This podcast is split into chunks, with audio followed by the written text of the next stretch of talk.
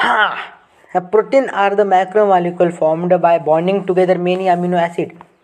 Protein of animal origin are called as first class protein.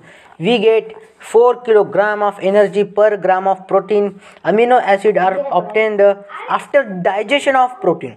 Those amino acid are absorbed in the body and transported up to each organ and cell via blood. From this amino acid, organ and cell produce chobotore, various protein necessary for themselves and the chobotore molde. Those examples are given in the film.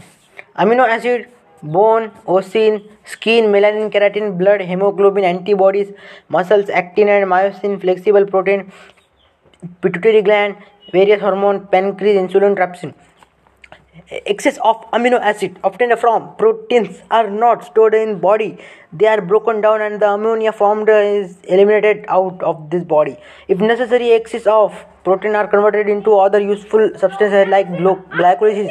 Through the process is called a glycolysis. Plant producer Ha! The plant produce the necessary amino acid from mineral de novo and nearby produce different protein. An enzyme Rubisco present in the plant. देखो तो Time करते होना चाहिए? काम है। मैं अरे मैं पढ़ रहा